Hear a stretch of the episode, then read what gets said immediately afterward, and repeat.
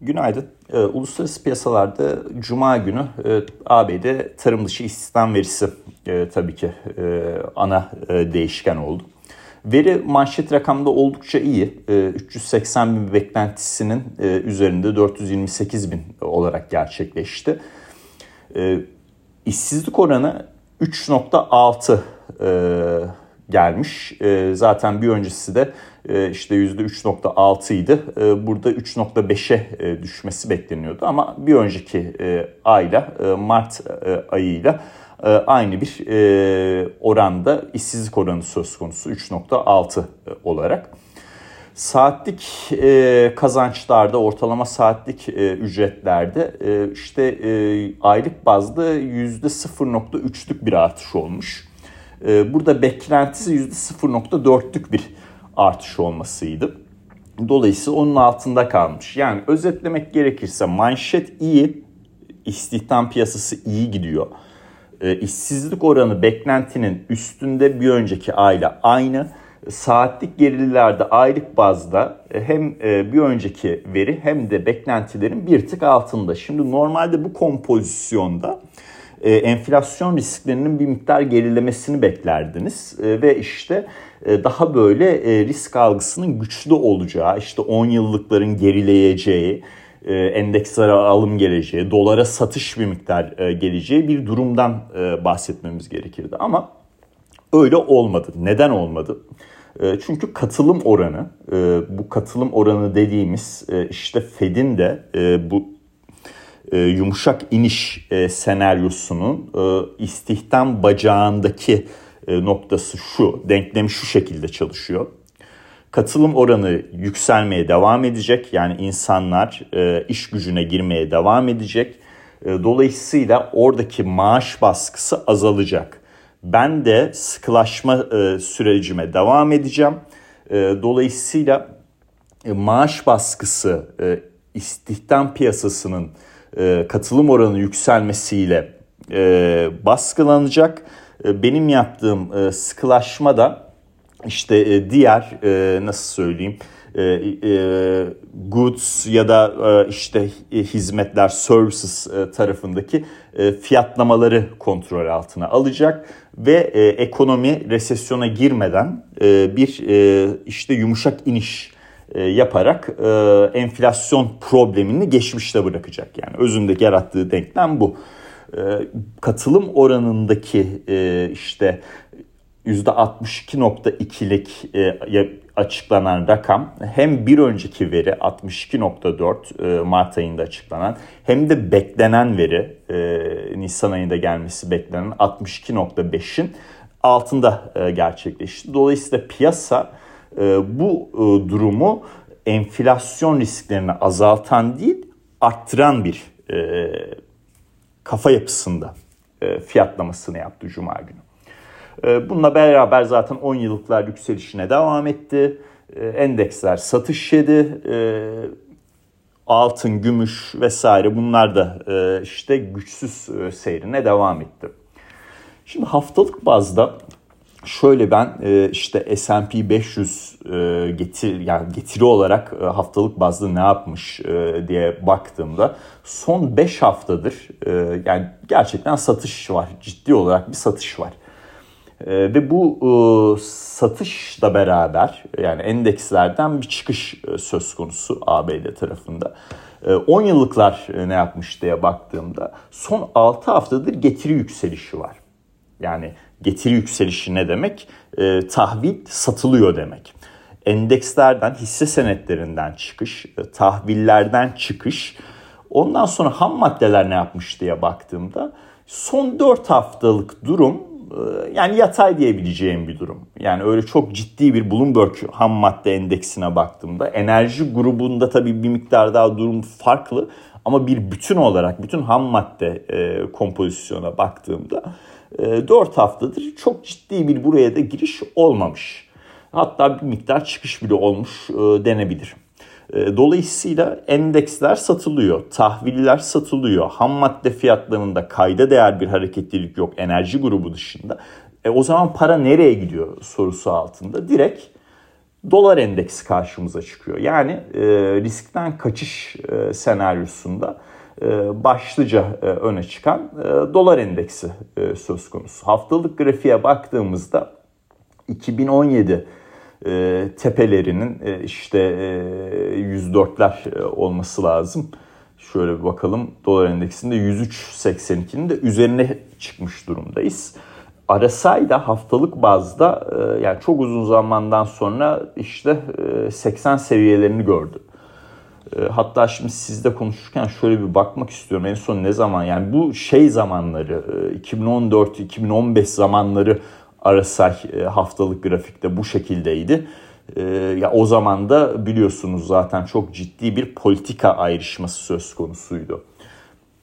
ABD versus Avrupa e, şeklinde.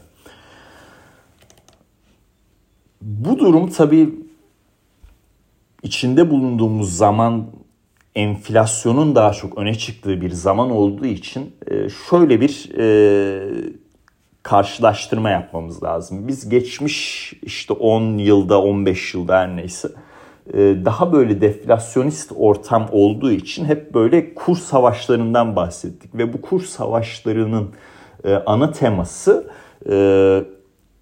ortada enflasyon olmadığı için gelişmiş ülkelerden bahsediyorum. Enflasyon olmadığı için para biriminiz ne kadar aşağıda olursa aslında büyümeniz de o kadar olumlu bir şekilde etkilenir bundan. Ama ortada bir enflasyon varsa eğer e, para biriminizin değer kazanması özünde ithalat maliyetlerinizi azaltacağı için e, daha enflasyonu daha kontrol altına almanız için e, bir yararlı değişim olabilir. Goldman da bununla ilgili olarak içinde bulunduğumuz zaman zarfında ters kur savaşlarından bahsediyor.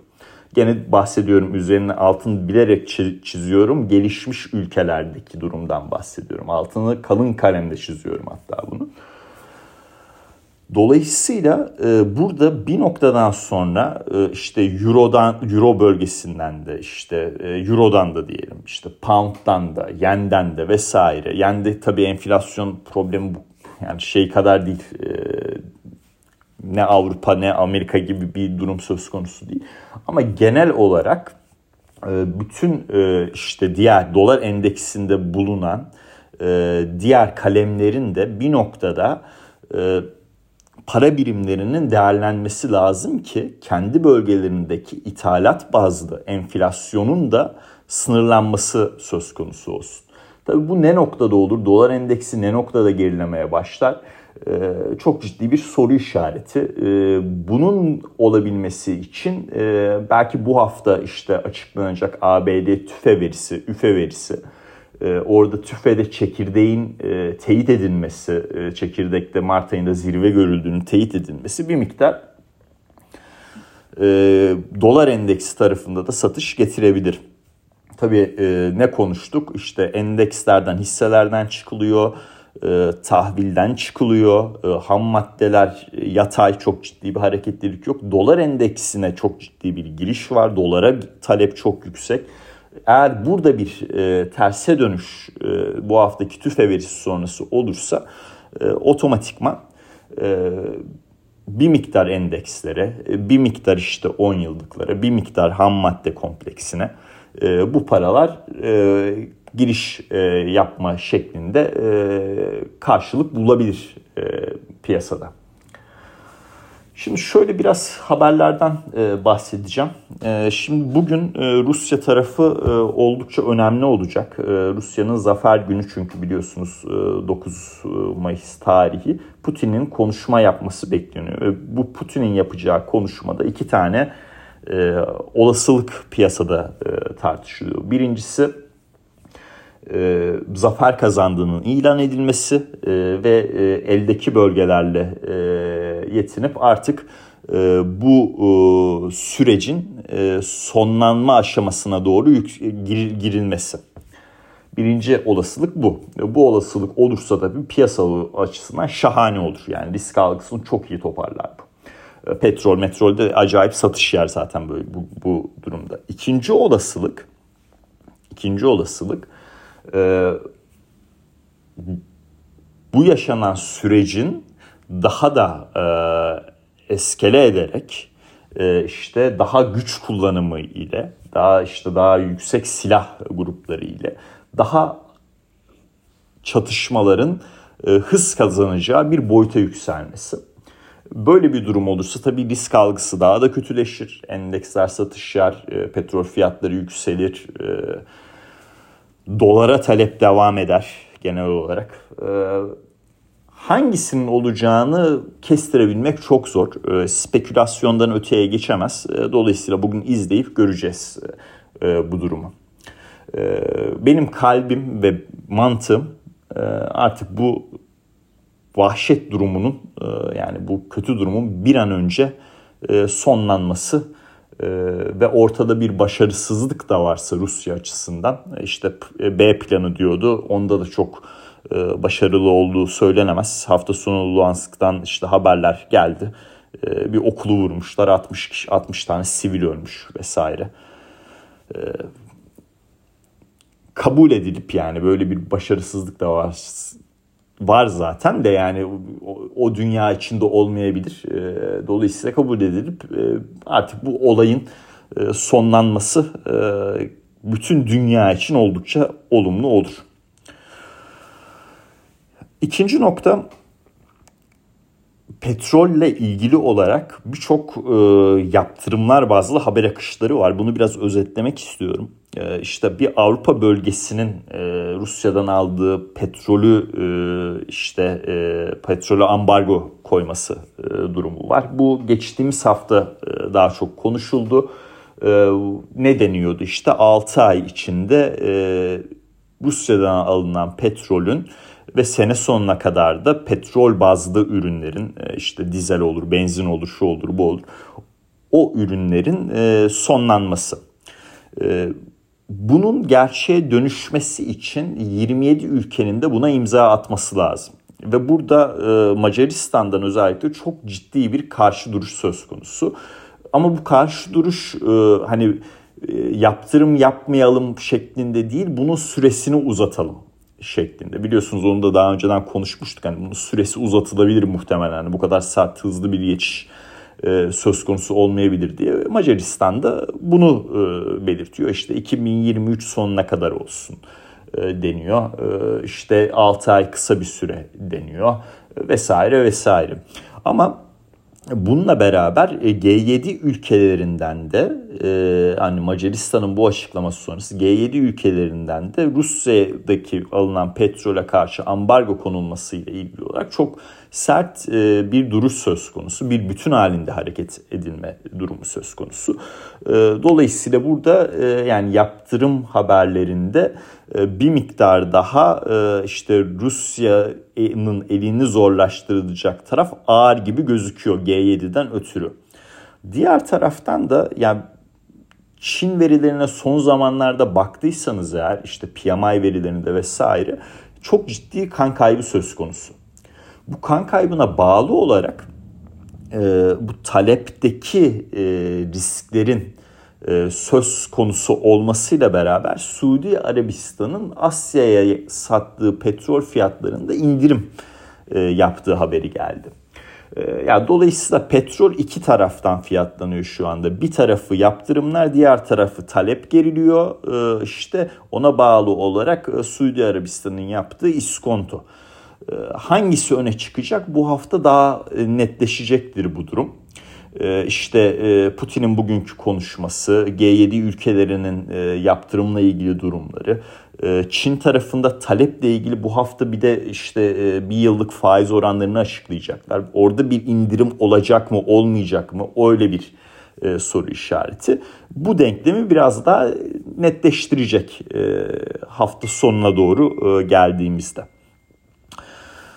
Ee, geri kalan e, verileri şöyle bir incelediğimde en önemli e, karşımıza çıkan şey çarşamba günü ABD tüfe verisi olacak. İzleyeceğimiz şey de çekirdekte tavan olup olmayacağı. Yani bunun teyidinin gelmesi, e, çekirdekte tavan oldu noktasının gelmesi piyasalar açısından olumlu bir e, gelişme olarak algılanır. İngiltere'den büyüme verisi geliyor, o takip edilecek. Çin'den üfe verisi geliyor, o takip edilecek.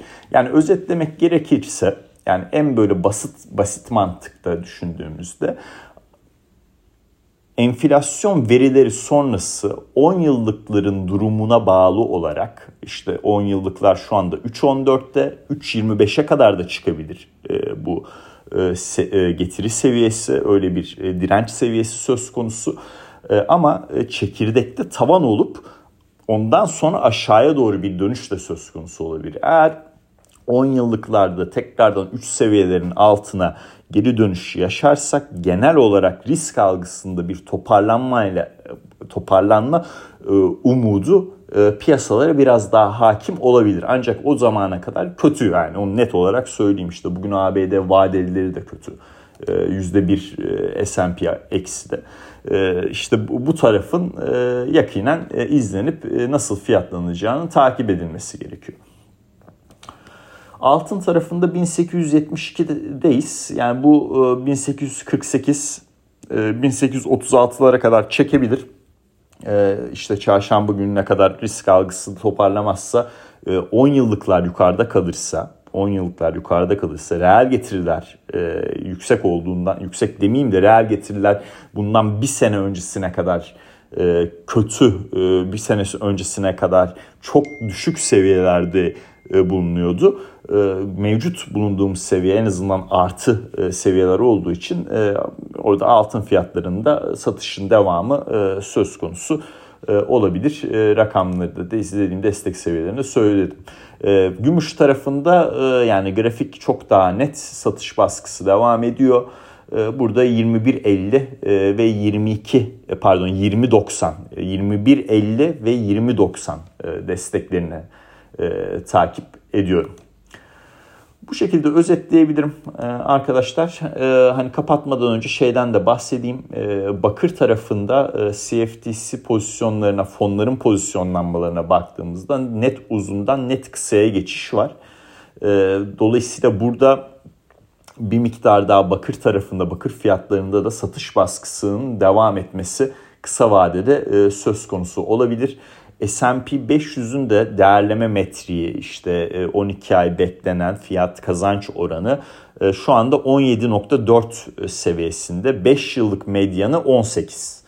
E, yani onun da hani 5 yıllık medyanın da altında bir fiyatlama söz konusu. Dolayısıyla hala endeksler çok pahalı noktası çok gerçekçi bir yorum değil e, rakamsal olarak baktığımızda. Bu şekilde özetleyeyim. E, tüfe verisini takip edeceğiz. 10 yıllıkların gidişatını takip edeceğiz. E, ve e, dolar endeksini e, buna bağlı olarak takip edip genel olarak risk algısını çözümlemeye çalışacağız. Dinlediğiniz için teşekkürler. Herkese e, iyi seanslar, iyi haftalar dilerim ve unuttum yani Bitcoin tarafı tabii ki e, çok kötü bir satış yedi. Hafta sonu da e, kötü bir satış yedi. E, burada işte e, analizde şey Cuma günü bahsetmiştim zaten öne çıkan destek noktalarını. Onu bir daha okuyayım size. 34.3 ve 32.9 yani 32.900 ve 34.300 destekleri söz konusuydu. 34.300 şu noktada çok tutunabilmiş değil. Onun yani 1000 e, dolar altındayız. E, 32.900 e, desteği çalışacak mı? Onu takip edeceğiz. Herkese iyi seanslar, iyi haftalar.